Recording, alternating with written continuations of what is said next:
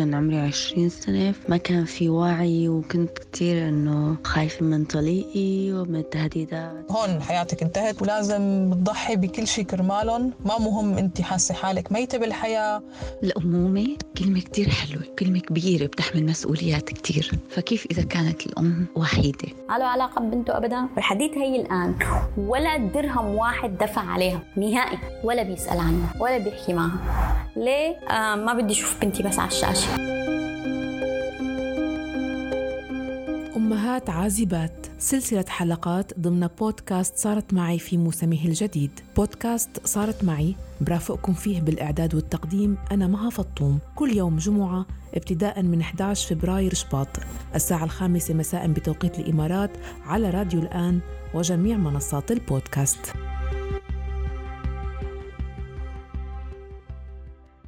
عم تسمعوا الحلقة الثانية من سلسلة حلقات عن أمهات عازبات. وكنا خبرناكم بمطلع الحلقة السابقة تفاصيل أكثر عن سبب اختيارنا لهالموضوع. واليوم حتسمعوا تجربة ليلى. اسمي ليلى سولي شندي لأنه بحط اسم أمي كمان سولي.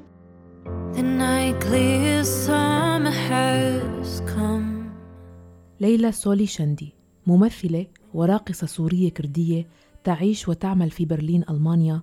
عمرها حاليا 27 سنة وأم لطفل عمره 8 سنوات. تزوجت ليلى لما كان عمرها 19 سنة وزواجها ما استمر. بتخبرنا بالحلقة عن حياتها كأم عازبة من أكثر من خمس سنوات ومعاناتها كمرأة عم تجرب تحصل على حقوقها وتجاربها كلاجئة وإنسانة حالمة وعندها كتير أهداف. كنت أنا عم بدرس بأربيل فنون جميلة فكان في آه، هذا الضغط من المجتمع إنه الصبية ما فيها تقدر تعمل كل شيء أو ما أنا حرة كفاية لتاخذ قراراتها بنفسها. فأنا قررت أتزوج لعل وعسى إنه أنا أكون حرة نوعا ما يعني. بس للأسف كان الموضوع مختلف وأسوأ من من أكثر ما تصورت يعني. خاصة إنه هو عربي وأنا كردية فكان في اختلافات شاسعة بيناتنا. رغم أنا حدا ما يعني ما, بشوف هاي الاختلافات أبدا لهالشي إنه قررت أوكي وين المشكلة؟ لكن كان في جدا اختلاف بيني وبين أهله بطريقة تعاملنا ب وهن كيف استقبلوا الموضوع فكان جدا صعب الموضوع يعني. ووقت قررت أتطلق طبعا لأنه كان في عنف منزلي جدا جدا كان كارثي ما كان بس إنه شوي. فكنت بتركيا وبتركيا ما قدرت انفصل لأنه طليقي أحواله المادية جدا منيحة. فالمحامي اللي رحت عند محامي محامي قال لي إذا بدك تنفصلي هون فإنه أنت ابنك بيروح منك لأنه هو أحواله منيحة فيه ياخد أشطر محامي بيقدر ياخد الحضانة بكل سهولة بتركيا يعني. البعض ممكن يعتبر أنه قرار الزواج أخذته ليلى بشكل عاطفي بحت ومتسرع. لا القرار ما كان عاطفي أكثر ما كان هروب من الضغوطات. أهلي بصراحة ما كانوا موافقين لأنه أنا لسه صغيرة وهيك. بس أنا كمان ما كنت مرتاحة ما كنت حاسة إنه إنه هن عم يفهموني وما وكنت كثير أنا صغيرة وما كان في ما كان بقدر اتفاهم مع أهلي ما قدرت آه، لاقي أي طريقة للتفاهم. بس بعدين وقت هن شافوني إنه أنا مصرة وافقوا مني الضغوطات ما كانت فقط جوا البيت. الاهل أنا وقت بقول أهل عن اللي حوالين يعني بالعائلة الكبيرة بالمجتمع آه، اللي أنا كنت عايشة فيه اللي أنا يعني أنا كان اختلافاتي نوعا ما مختلفة. مش بس إنه أنا بدي أطلع بدي فوت بدي أعمل فن مسرح ولا أي شيء. آه، ممكن بدي أعمل مساكنة. ف فبتعرفي إنه هذا الشيء كثير صعب بمجتمعنا أي عائلة مستحيل بوقتها. يعني هذا الحكي من تسع سنين سموه. هلا هلأ كمان أكيد صعب هذا الشيء فإنه صعب. وأنا كنت شايفة إنه المساكنة من حقي. يعني من حق أي آه، امرأة هي بدها تعمل مساكنة بأي عمر بدها اياه 19 20 ولا 21 فمثلا هي القرارات لأنه دائما إنه الحريه هي مش إنه أنا شو بدي البس شو بدي أطلع. آه، هدول الاساسيات بيسكس بحياة كل بنت هي لازم آه، تحصل عليهم يعني. بس إذا أنت بدك تجي عن جد تعرفي إذا هي الإمرأة أو هي البنت حرة ولا لا بدك بالقرارات الكبيرة إذا هي بدها تعمل مساكنة إذا هي بدها تسافر تعيش لوحدها ولا أي قرار كان هون بدك تعرفي إذا أنت حرة ولا لا. وبالتفصيل خبرتنا كيف تعرفت عليه وشو كانت ظروفها بوقتها. أه وقت أنا بس تعرفت عليه كان عمري 18 سنة وكنت عم أشتغل بأربيل فكان هو عنده شركة فقال لي إنه إذا بدك تعالي اشتغلي عندي بالشركة. هلأ مو قصة حب حب لكن في أكيد كان في إعجاب بالنهاية لهالشي أنا وافقت عليه يعني. بس إنه هذا الحب لا أصلا يعني أنا ما عرفت شو يعني حب لصار عمري 25 سنة يعني.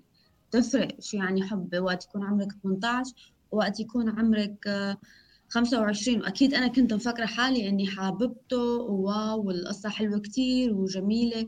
وهو من غير قومية وأنا من غير قومية.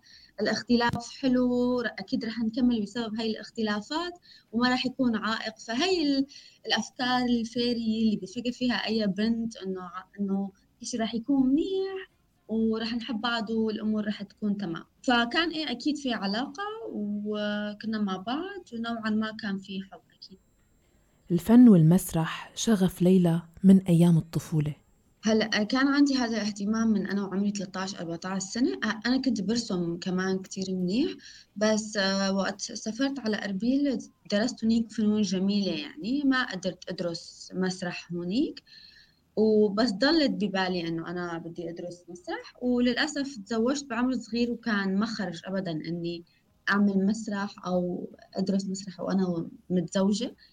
فبس وصلت لهون واتطلقت. فعند أول فرصة صحت لي إني أشتغل مسرح رحت عملت كاستينج وبلشت. بزواجها عاشت ليلى أيام ولحظات قاسية جدا. كانت الأيام صراحة سيئة جدا يعني آه أنه من كثر ما كانت سيئة ما فيني أبدا أتذكر حتى يوم أو يومين حلوين آه كانت بهي العلاقة.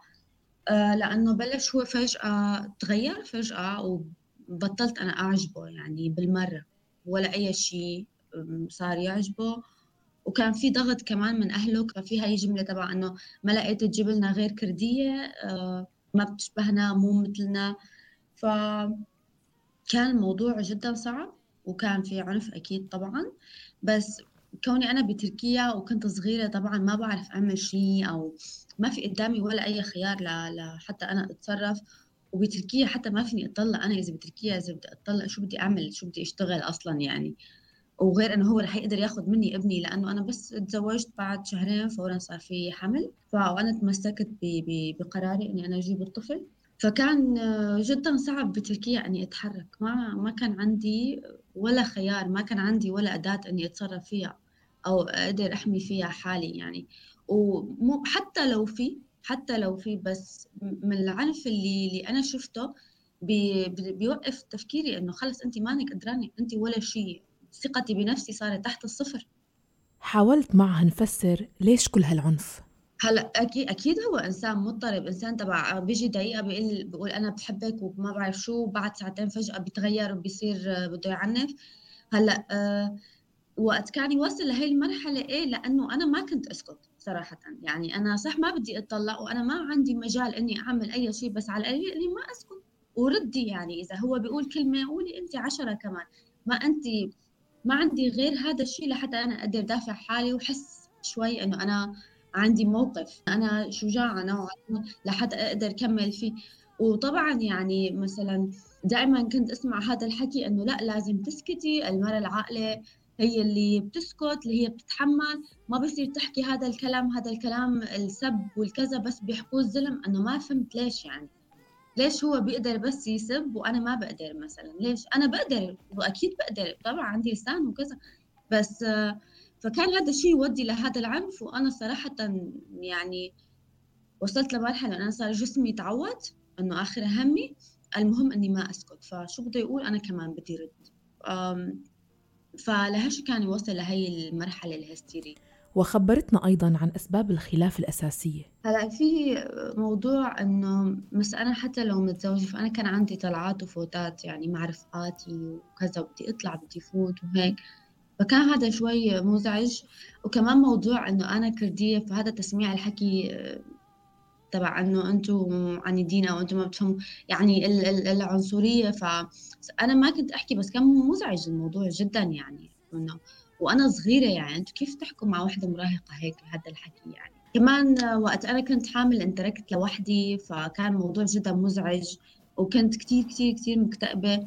بعد الحمل صار في صار في اكتئاب صار في خيانة ف كل هذا الشيء أنا صرت انلام عليه أنا الغلط لأنه كل شيء صار كان كان ينحكى إنه بسببي لأنه أنا مو منيحة لأنه أنا مو كافية ف ف و... وأنا ما يعني كنت أعمل مشاكل إنه بس إنه حدا يا جماعة حسوا فيني أو أو بس حدا يوقف أو يوقفوه إنه ما بيصير هيك يعني هي مو حياة زوجية هي ما اسمها حياة أصلا. آه كيف تعامل مع حملك؟ يعني كيف كان ردة فعله هو؟ هل كان جاهز يصير أب؟ هل كان متشجع للفكرة أو لا كان رافضها آه أول شيء آه هو ما كان بده بس أنا ما كان عندي شيء اتمسك فيه غير ابني صراحة أو ما كان عندي وقتها شيء حلو غير هذا الحمل لحتى أنا أحس حالي إنه أنا عم أعمل شيء أو أو إنه في سبب أنا عايشة كرماله طبعا. بس آه بعدين آه هو أصلا لأنه بسبب شغله كان دائما غايب فأنا قضيت تسع شهور الحمل لوحدي تماما. وحتى وقت الولادة بسبب علاقاته فهو ما كان ما كان معي بالمستشفى فإنه بعدين اجى يعني ف آه بس إنه يعني مرقت. كنتي لحالك بالمطلق أثناء الحمل والولادة؟ لا كانت معي وقت أخته وخالتي إجت لعندي بس بس يعني هن بالنهاية المفروض هو يكون معي يعني هو شريكي وهو المسؤول عن هذا الشيء معي يعني. فأنا متزوجة لو والله أنا منفصلة وماني متزوجة وجايبة ولد أوكي بس أنا متزوجة فهو كان يشيل معي هاي المسؤولية. يعني مسؤولية هذا إنه كمان عمري 19 إنه أنا عم أولد فكمان كان في كتير خوف وأنا ما بعرف كيف بدي أتعامل معه. حتى أصلا وقتها أنا ما كنت بعرف إنه في شيء اسمه اكتئاب بعد الولادة. يعني أنا بعد الولادة ضليت لحالي وعم أبكي وكذا بالبيت فهو كمان ما كان متواجد وحتى كان خانني وقتها وكمان عملنا مشكلة وكذا. فإنه صار يقول لي إنه أنت بس بتحبي المشاكل وبتحبي النكد رغم أنا كان صار لي شهر ولدانة ف فطبيعي يعني إنه أنا أكون هيك وهو أكبر مني كان بعشر سنين يعني إنه أنت واعي كفاية لحتى تقدر الأمور حواليك. يعني أنا هلأ ب... أنا حاليا هلأ بعمره وقت كنا متزوجين فأنا شايلة بيت ومسؤولية وطفل وشغل وكل شيء لوحدي. فهي المبررات تبع أنا ما بعرف ما ما بقى فيها تمشي يعني. خلال جميع هالمراحل من زواج لحمل وولادة كانت ليلى على تواصل مع أهلها لكن ما كانت تخبرهم شو عم بيصير معها؟ لا بلا أنا ما أكيد كنت أتواصل مع أمي وأختي أه، بس أنا ما كنت خبرن عن هاي المشاكل صراحة لأنه كنت حس إنه طالما أنت اخترتي بدك تكوني قد هذا القرار يعني قد هي المسؤولية. فما كنت خبرهم لحد ما وصلت لهون على ألمانيا فكانت أختي هون وفي كان مرة هربت من عنده وكان إيدي كله أزرق فرحت لعند أختي بس شافت في شافتني بهذا المنظر فهي حكت مع أهلي وقالت إنه هي ما بقى رح ترجع وهي عندي يعني. فهون أختي أكيد وقفت جنبي بهذا الموقف. بس أنا ما كنت أحكي لأنه كمان هي مشكلة بتعرفي لأنه وقت أنت تختاري قرار أهلك ما موافقين عليه فأنت بتضلي بتحسي بالذنب إنه أنا إذا حكيت هلأ رح يلوم إذا حكيت. فكمان كثير نساء عنا بيوقعوا بهي المشكلة يعني. ف بس أنا بشوف إنه حتى لو قرار الصبية ما كان مثل الأهل لازم الأهل دائما هن سبورت وهن دائما خلص هذا اختيار هاي حياتها بالنهايه هي قراراتها مختلفة يعني. ولازم هي تحكي تتشجع. نحن عندنا مشكلة نحن النساء انه نحن بنخاف أنا هلأ أكيد. بس قبل كان في خوف إنه إنه نحن نحكي. طبعا هذا الشيء مرتبط بالذنب لأنه نحن بنكبر وبنتربى إنه الذنب يكبر معنا نحس بالذنب تجاه أي شيء تجاه إذا أنت إذا بدك تنبسطي لازم تحسي بالذنب تلبسي شغلة جديدة لازم تحسي بالذنب تطلعي مشوار لازم تحسي بالذنب. فهذا طلع وكبر معك فأنت موضوع إنك تحكي وتعلي صوتك وتعيطي كمان هذا الشيء صعب. يعني موضوع لمين بدك تلجا إلى أي طبعا حسب الدولة اللي تكون المرأة فيها يعني بتركيا أو بسوريا أكيد لا. ومن بعد الولادة الأمور أخذت منحى أسوأ. هلا وقتها آه، الأمور مشت آه، بفراغ. صار في شرخ كبير. أنا وقتها بعد الولادة قبل الولادة كنت دائما حاول معه أنه نحن نصير عائلة حلوة علاقتنا تصير حلوة كذا. بس آه، الولادة وقتها عملت شرخ كتير كبير وغيرتني 180 درجة لأنه كانت أكيد صعبة ما كان سهل. فمن وقتها أنا بطلت اهتم. يعني موجود ما انك موجود آخر همي. بدك تكون ما بدك تكون آخر همي. وقتها قررت إنه أنا بس أشتغل على حالي واهتم بحالي أنا وابني يعني. ضلينا هيك لفترة سنة لحد ما قرر إنه هو يطلع على ألمانيا. فقلنا أوه أحسن يعني. بليز بس طلع لحتى نحن كمان نقدر نجي. طبعا ما طلعنا معه وهو قرر يطلع لوحده. لحد ما بعدين أنا كمان طلعت. ماديا كان يصرف منيح؟ يعني كان مسؤول ماديا ولا لا؟ ما بيسأل. هلا هلا ماديا كان أحواله أكيد منيحة وماديا تبع إنه بس خدي واسكتي يعني إنه خلص حلي عني.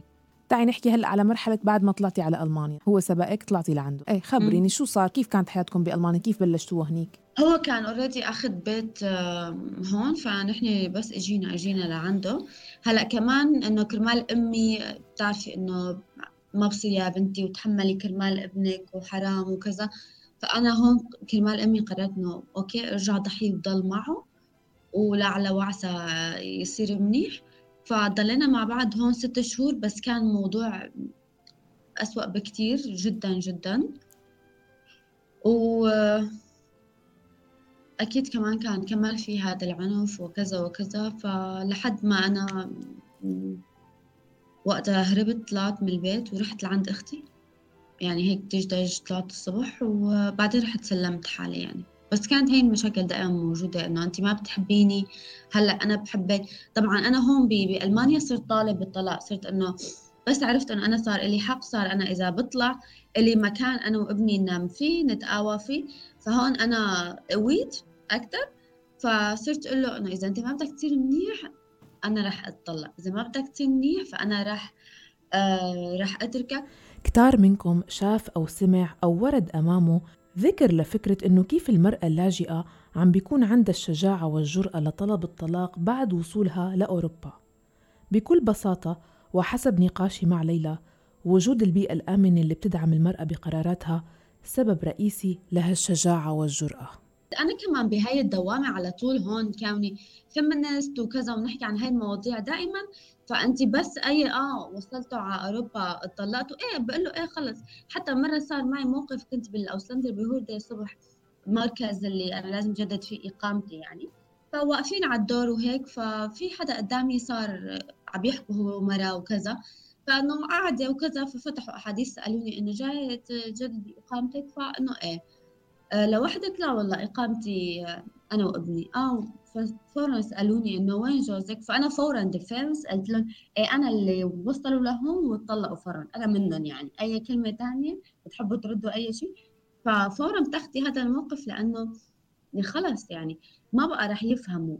okay يصطفوا. طيب رحتي لعند أختك؟ كان ابنك معك وقت لرحتي بهديك الحالة؟ أكيد ابني ما ابني ما كنت أتركه ابدا. أكيد طبعا كان هو بده ياخذ الولد بأي طريقة وحاول كثير وبعدين فتح هون محاكم ومحاميين وهو ياخذ وأنا قاعدة محامي الدولة ويلا عم أمشي بس ما قدر أكيد. okay. خبريني بعد ما سلمتي حالك وأخذتي هالخطوة كيف مشيت الأمور؟ آه كان كان في صعوبة بإني أنا بضلني ثابتة على موقفي إنه أنا ما أرجع. أوكي؟ لأنه حدا كان مهزوز ثقتي بنفسي تحت تحت الصفر فما بعرف شيء ما عندي ولا شغلة دافعة فيها عن حالي. فكان بالنسبة لي أهم شيء حاليا أني أنا أحافظ على موقفي. بعدين كل شيء بيجي. خلص أنت بغرفة هلأ أنت وابنك مناح ما في حدا عم يضايقك.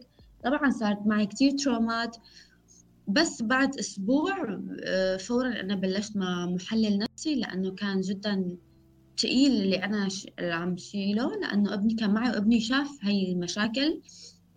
فكنت كثير خايفة على ابني صراحة.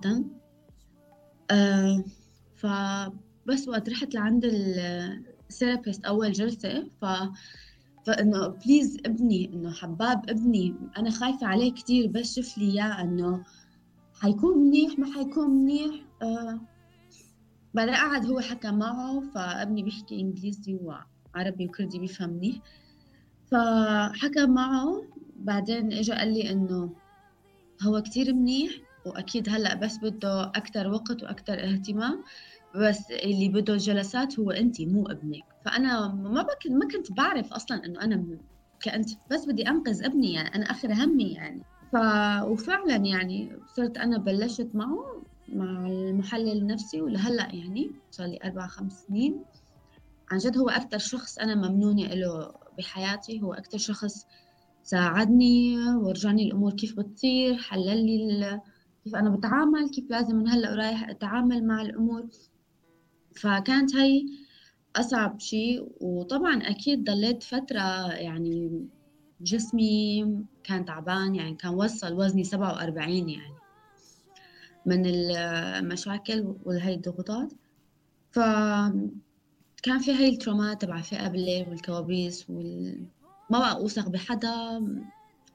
فيعني كانوا أربع سنين جدا صعبين صراحة. يعني أنا بس من السنة بلشت من سنة سنة ونص بلشت أكتر قوية وأكتر واعية وأكتر عارفة شو بدي وعم أشتغل على حالي بكتير أمور.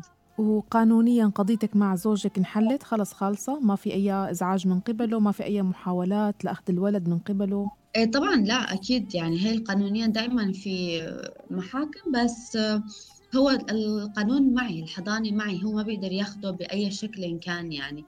بس موضوع إنه نحن ما كان في عقد زواج فكان هو مزور عقد الزواج أنا ما كنت بعرف فأنا ماني متزوجة بسوريا. وهون رحت وقت أنا قدمت لجوء قدمت إنه أنا متزوجة.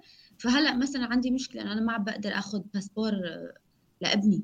لا سوري ولا ألماني. ماشي لأنه هن بدهم يعرفوا ليش هيك صار وإذا الأب إنسان مسؤول ولا لا. وطبعا الأب ممنوع يفوت على برلين يعني أبدا. من المشاكل اللي صارت اشتكيت عليه وخلص ما بدي إياك بحياتنا ابدا يعني. لأنه الإنسان السيء سيء بالمطلق. لأنه أنت إذا بدك تكون منيح مع ابنك كان لازم تكون منيح معي. لو لو شيء صغيرة حتى لو خلص أنا قررت أنفصل. هاي حياتي إنساني ما بقى بدها تضل معك أحترم هذا الشيء بس كرمال تقدر بعدين تتعامل فيه مع ابنك يعني تقبل الرفض مثل ما بتتقبل النعم يعني. فأكيد هلأ معي محامي وعم يساعدني بهي الأمور يعني بلشت رح تخلص. بتعرفي هون أمور البيروقراطية كمان بتطول كثير فبس حضانه الولد كاملة معي يعني. حبيت أفهم من ليلى أكثر كيف يعني مزور عقد الزواج؟ زواج آه، مدني تزوجنا أكيد. بس آه، عملنا هذا عقد الزواج إنه على أساس مشان بس أنا أقدم لجوء هون يعني إنه أنا متزوجة هو عملها أوكي؟ فهو عملها وأعطوني إياها لحتى سلمها هون. فهو عملها فقصده من دون قصده بس الأوراق ما كانت ظابطة لأنه وقت أنا هون بعد ما انفصلت قدمت للمحكمة إنه أنا بدي أطلع. ففجأة بيجيني بوست منهم إنه انت ما في داعي تطلعي لأنه انت عقد زواجك مزور وانت مانك متزوجة. هلأ هي الورقة هو عاملة أنا ما كنت موجودة يعني. في مكتب محاماة محاماة سوريين بأنطاكيا ما بعرف شو كذا هيك. فأنا حتى أنا ما في داعي روح يعني. فهو عملة وكيف عملة ما بعرف. الحياة كأم عازبة فيها كتير تحديات وبتختلف هالتحديات من بيئة لبيئة.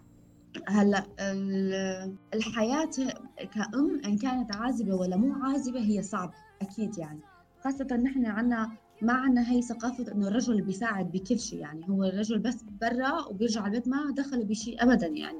فأنا لهالشيء ما اختلف الوضع جدا علي غير ماديا طبعا صار الموضوع انه أنا هلأ صار ماديا لازم أنا اشيل حالي أنا أنا وابني وهذا الشيء كان كثير مختلف. كمان وقت بدي أشتغل مثلا في أيام ابني ما عنده روضة أو كذا فوين بدي أحطه وهيك. فكوني كنت ب camp بس نساء. هذا ال camp كان هو خصيصا للنساء اللي تعرضت للعنف. حطوني هنيك يعني. فهنيك أنا تعرفت أكيد على نساء مثلي single mom يلي هربانة يلي كذا. فصار عندي رفيقة رفيقتين كمان هن عندهم أولاد. فصرنا نشيل بعض صرنا لقينا شغل صرنا نساعد بعض يلي عندها شغل تلاقي تحط ابنها عندها. حتى موضوع فانا في شغلة كثير حابة أحكي عنها مشان بكرة ما يقولوا إنه يي شو بس عم تحكي بهذا المجال إنه هي المضحية. حتى سهرة إذا بدي أطلع مثلا كنت حتى رفقاتي عند ام عند رفيقتي لأنه يعني أنا كأم من حقي. يعني أنا بالنهاية قبل ما أكون أم أنا كنت امرأة يعني كنت بنت صبية فأنا من حقي أكيد فكنا أنا ورفيقتي كثير نتساعد. هي تحط اولادها عندي أنا أحط اولادها عندي. آه فهي شغلة كتير كانت حلوة إنه هون أنت تلاقي صديق أو صديقة يساعدوك عن جد. عدا عن هيك كوني أنا كمان بدي بلش مسرح. طبعا كمان هاي كانت مشكلة لأنه أنت كمطلقة مو بس كمعذبة أنت كمطلقة كيف بدك تبلشي مسرح يعني؟ حتى بتذكر مرة أخ أخو لطليقي الكبير مثلا فأنا على أساس عم ألجأ له عم بقول له خلص خليه يحل عني إنه حاجة يقول لي إنه أنت هاي الكلمات وسخة و وكذا فلأنه أنا عم أشتغل مسرح فصار هو يقول لي إيه معه حق يعني بالنهاية هذا مجال وسخ. يي ولا؟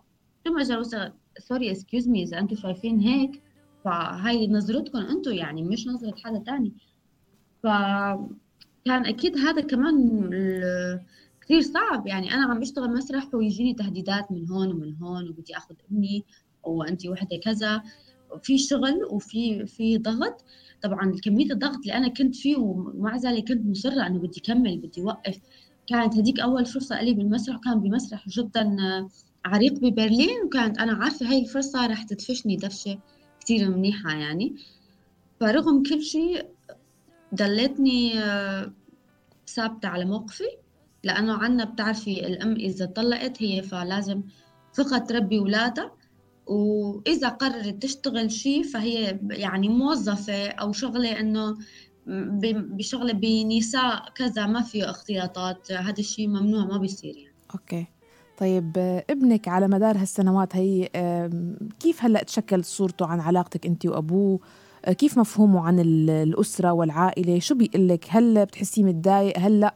تقبل الموضوع؟ فهمان القصص كيف عم بتصير؟ كيف علاقته مع أبوه مثلا بشوفه هي تماما. هلأ هي كمان شغلة كتير إنه أنا بس بلشت مفهوم العائلة عندي تتطور فاختلفت الموازين واختلفت التعامل حتى مع ابني. يعني هلأ ببداية أول ما انفصلنا بعدين بعد سنة على أساس إنه هو صار منيح وكذا فقررت إنه خلي يشوف ابنه. أوكي أهله حكوا معي وأمي كمان وهي ف أنا قلت okay خليه يشوفه ويحكي معه. طبعا فابني كمان بالمشاكل اللي كان شايفها مثلا ابني في جملة دائما بيقولها إنه بيقول إيه أنا بتذكر إنه هو كسر موبايلك. مثلا هو دائما بيقول لي هاي الجملة. فهو مو فهماه هو زعلان على الموبايل يعني لأنه طفل عرفتي؟ فهو بيقول لي أنا بتذكر إنه هو كسر موبايلك. فأنا بقول له إيه okay بس هاي شغلة بيني وبينه أنت ما دخلك أنت بحق لك أنت تحبه بدك تشوفه أو تحكي معه ما في مشكلة. بوقتها ما في ما في داعي أنت تحكي كلمات علاقتي عنه منفصله عن علاقتك فيه تماما. فأوكي بعدها بلش يشوفه صار يجي على برلين يشوفه وكذا لحد ما من سنتين أساس كمان بس بده يشوفه ويجيب لي إياه فقرر ياخده وما يرجع لي من سنتين فكمان هي كانت كثير مشكلة مصيبة كانت يعني ثلاثة شهور أنا ما شفت ابني فكنت مالي صاحية أبدا. قرر كان وقت أول ما بلشت بداية الكورونا جاء اجى على برلين بده يشوفه أخده وبطل بده يرجعه وصار كورونا وأنا ما بقدر لا على مطارات وكله تسكر خاصة النرويج اللي هو بلد اللي كان ساكن فيه ما بقى تستقبل حدا. لحد ما كمان في حدا من أصدقائه دقوا لي قال إنه هو عم يعمل جواز سوري للولد وبده ينزله على تركيا على اليونان ومن اليونان رح ينزلوا على تركيا يعني. رحت أنا هون اشتكيت للسلطات إنه please ابني كذا. فبس كوني لاجئة سورية فصوتي ما مسموع يعني. عرفتي إنه okay وهي البيروقراطية تبع لازم نستنى و للمحكمة ولل Jugendamt ليوافقوا لنتحرك كذا كذا. بس أنا اللي اشتكيت يعني هذا الشيء الوحيد حاليا اللي بقدر أعمله. بعدين بعد ثلاثة شهور قررت إني أطلع هو كمان علق بالنرويج لأنه ما بقى فيه يطلع لأن المطارات سكروا فطلعت لوحدي وطلعت بطريقة جدا صعبة يعني أخذت بر ثلاثة أيام. فرحت كمان لهونيك لعند البوليس. أول شيء ما رحت لعنده أكيد يعني هو شخص سيء بالنهاية. فما ساعدني لأنه أنا لاني نرويجية ولاني ألمانية. قالوا لي إنه لازم أروح على السفارة الألمانية أجيب ورقة ما بعرف شو. رحت على السفارة الألمانية السفير ما استقبلني قال لي ما قال لي ما قال لي بدك ترجع على ألمانيا تفتحي محكمة كان في ورقة بدهم إياها. هاي الورقة اللي تجيبي قلت له شو يعني أنت عم تحكي عن ألمانيا وكأنه ليك هون ساعة؟ يعني أنا عم بقول لك أخذت معي طريق ثلاث أيام برد دنيا كورونا. فوالله ما ساعدني يعني حتى سبيته طلعت يعني من كثر ما عصبت يعني. فرحت عند البوليس قلت لهم إنه ما قبل كذا فهن قالوا لي نحن كمان ما بنقدر نساعدك. لهم طب بس أعطوني عنوانه خلص أنا بروح بطلت ما بدي حدا يساعدني. شو ما كان رح أنا بدي روح. أه فبس رحت أه قالوا لي okay بس إذا صار في بيناتكم مشاكل نحن بحق لنا ناخذ ولد. قلت له هلا ما بتقدروا تساعدوني. لأنه أنا لا سورية ولا ألمانية. فجأة صار فيكم تاخذوا الولد يلي هو لا سوري ولا نرويجي. قصدي طبعا رحت ودقيت الباب ما كان. دقيت له من رقم غير معروف. إجا كذا ف انصدم هو أنا كيف وصلت أصلا؟ إنه أنت كيف جيتي الدنيا؟ حدود وكورونا وكذا. بس شفت ابني يعني أنه جبته ورجعت. بس رجعت. بس أكيد يعني أنا ما عملت معه مشاكل بالعكس عملت مع حالي معه جدا منيحة وأنه أنا مسامحتك. ما عندي غير مجاني وإلا هلأ بخسر كل شيء. برجع باخذ جوازات أو قصة أو كذا. فأنا مضطرة أعمل حالي منيحة وإنه أنت ما في منك وأنا بتفهم جدا أنت ليش هيك عملت يعني. بس بس جبت أبني؟ قطعت حدود السويد عملت له بلوك بس جيت على ألمانيا رجعت اشتكيت عليه وقلت لهم إنه أنا رجعت ابني وأنا بدي هو يتحكم قضائيا وأنتم تلحقوا قضائيا يعني. فمنعوه إنه يفوت على ألمانيا على برلين بالتحديد. okay. ومن وقتها من سنتين ما ما تواصل مع ابني ابدا وما في يبقى يتواصل أها وما جرب يوصل لك بأي طريقة تانية أكيد بيجرب كل فترة بيبعت إيميل وكذا فأنا بعمل block فورا يعني. مم. ابدا ما برد ولا بحكي معه ولا كلمة. لأنه هو أساسا ما بصير كان يعمل هالحركه هو عليه قانون ما بصير ياخذ الابن منك الولد منك ويخفيه يعني. ويهرب فيه إيه طبعا لأنه نحن بالمحكمه آخر شيء اتفقنا إنه بيحق له زيارة بالوقت اللي أنا بحدده فقط يعني. نعم. بس حتى بس ابني رجعته فصار حتى ابني يقول إنه أنا ما بدي أروح لعنده. ابني مو فهمان شو عم بيصير لأنه هو كان يقول له إنه الدنيا كورونا أنا ما بقدر اخذك لعند أمك كان يتحجج بهذا الشيء مع مع الولد. فابني بس شو بيقول؟ بيقول إنه هو ما رح يرجعني لعندك كان عم بيقول لي ما في طيران إنه أنا ماني غبي بعرف في طيران. فأنا ما بدي أرجع أروح لعنده وما أشوفك. قال لي دائما كل فترة بيجي بيقول لي إنه كانوا ثلاث شهور كثير صعبين يعني إنه أنا ما شفتك أنا اشتقت لك. يلي بيشوف ليلى رح يلمس حبها وثقتها بنفسها والقوة اللي بتشعر فيها نتيجة كل شيء صار معها. طبعا أنا في جملة دائما بقولها إنه ما فيني أحكي لك عن الانتصارات العظيمة اللي أنا عملتها لكن فيني أحكي لك عن هزائم أنا طلعت منها حية يعني. فأنا هدول بهموني أكثر هدول هن اللي كونوا شخصيتي بالنهاية. طبعا يعني أنا فخورة بإني بإني إنه من لا شيء من أبدا من حدا ما كان يعرف أي شيء بس إنه قررت إني أنا ما أقبل بهي الإهانة. طبعا كان صعب جدا بس إنه إنه أنا ماني يعني حتى الحيوان أنت ما فيك تضربه أنا أنا إنسانة ما فيك أنت تتعامل معي بهي الطريقة. كيف تعطي حالك الحق أصلا إنه أنت تفكر إنه أنت عندك السلطة لحتى تضرب يعني تستقوي علي يعني أو على أي وحدة غيري يعني إنه من وين بتجيبوا هاي السلطة؟ من وين بتجيبوا هاي الثقة؟ ليش يعني؟ ف... فأنا دائما على إنستغرامي حتى بحكي إنه إنه ما تقبلي بأي وقت ما تقبلي بهذا العنف بهي هي الاساءه خاصة إذا وحدة عندها أولاد لأنه إذا أنت وخاصه اللي عندها بنات كمان لأنه إذا أنت ما قلتي لأ وبنتك عم بتشوفك إنه أنت ساكتة ساكتة بكرة هي بس تكبر كمان هي رح تسكت. هي لأنه رح تتعامل مثل ما أنت تعاملتي من دون ما تعرفي هذا عم يفوت باللاوعي تبعها يعني. رح تضلها ساكتة ما رح تتجرأ إنه هي تقول لأ. فهي كثير مهم إنه بعرف إنه لأ هو مجهود شخصي هو بده كثير شغل جدا بده شغل لحتى بتذكر مرة من المرات وقت قلت لا حسيت آه، خسرت آه، أربعة كيلو مني يعني. يعني أنا جدا بس فخورة بهي المواقف اللي أنا ضليت ثابتة عليها وإني أنا ما قبلت بهي الإساءة وهي الإهانة رغم كل التهديدات ورغم كل الضغوطات. ضليتني حتى مكملة أشتغل بمجال أنا بحبه يعني إنه وأنا وابني علاقتنا حلوة وهو بيروح معي على شغلي وبيكون مبسوط فيني وأي حدا بيسأل ابني أمك شو بتشتغل بيقول لهم اكترز ودانسر بكل فخر يعني هذا هذا الشيء لحاله كثير بكفيني. بس أنا حابة أقول كمان لكل امرأة إنه ما تقبل على الإهانة بعرف إنه صعبة وبده وقت بس إنه لازم حدا يقول stop لازم في جيل يقول stop ولازم ما ينتقل على الجيل اللي بعده. لأنه إذا نحن ضحايا الأجيال اللي قبلنا أولادنا ما ذنبهم يضلوا ضحايا. نعم.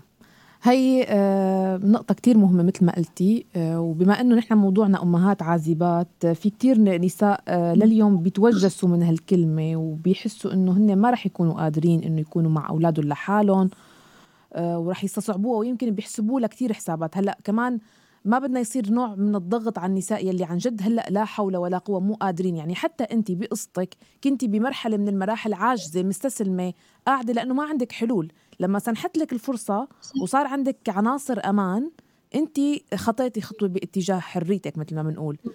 آه، في كثير نساء هلأ عالقين بهالدوامة مو مو ما عم تصح لهم فرص أمان لينطلقوا. فما بدنا يكون كمان في نوع من الضغط عليهم. يعني هي الفكرة إنه بس إنه انت ضلي ما تتعايشي مع العنف ما تتعايشي وتتقبلي وتستسلمي ضلي رافضتيه لوقت ما تجيك الفرصة الحقيقية لأنك تتحرري وتخلصي منه وتدافعي عن نفسك. أكيد أكيد مها أنا أصلا دائما وقت بتوجه بهذا الحكي بتوجه للنساء اللي هن هون اوريدي باوروبا النساء اللي بالداخل أنا ما بقدر يعني ابدا هي بتكون فوقية أصلا إن اذا إذا أنا بحكي معاهم هيك يعني الله يعينهم هن عن جد يعني جدا الله يعينهم ما فيهم بيقدروا يعملوا أي شيء يعني شيء جدا بيوجع لأنه حتى ما في لا منظمة مثل عالم والخلق تحميهم أو أو تأخذهم. حتى بالعراق يعني المكان اللي أنا كنت ساكنة فيه ما كان في آه، آه، منظمات أو بيوت لهي النساء لحتى يحتموا فيهم يعني ابدا.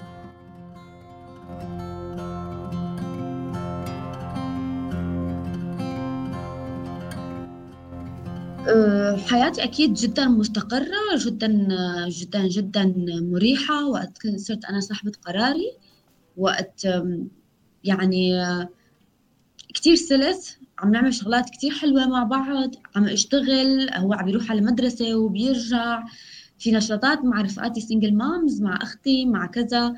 فهي الحياة الطبيعية بالنسبة لي هذا هو المفهوم. بالنسبة مفهوم العائلة إنه هن يكونوا مرتاحين مع بعض شخصين بيحبوا بعض ولا ثلاث أشخاص ولا ولا أربع أشخاص أي شكل من العائلة كان. فحتى أبني صار يفهم هذا الشيء إنه أنا هو عائلة يعني مش شرط يكون في أب أو أو شريك أو شريكة معنا لحتى نحس إنه نحن عائلة كاملة يعني. شكرا ليلى وشكرا لكم مستمعينا على حسن المتابعة والاهتمام. نستقبل جميع اقتراحاتكم أفكاركم مشاركاتكم. إذا كنتوا راغبين على رقم الواتساب 00971 568 531 592 راسلوني ولا تترددوا أبدا. واسمعونا دائما من خلال جميع منصات البودكاست وموقعنا الآن دوت أف أم بالإعداد والتقديم كنت معكم أنا مها فطوم. إلى اللقاء. Across the sea, the sun lay dying.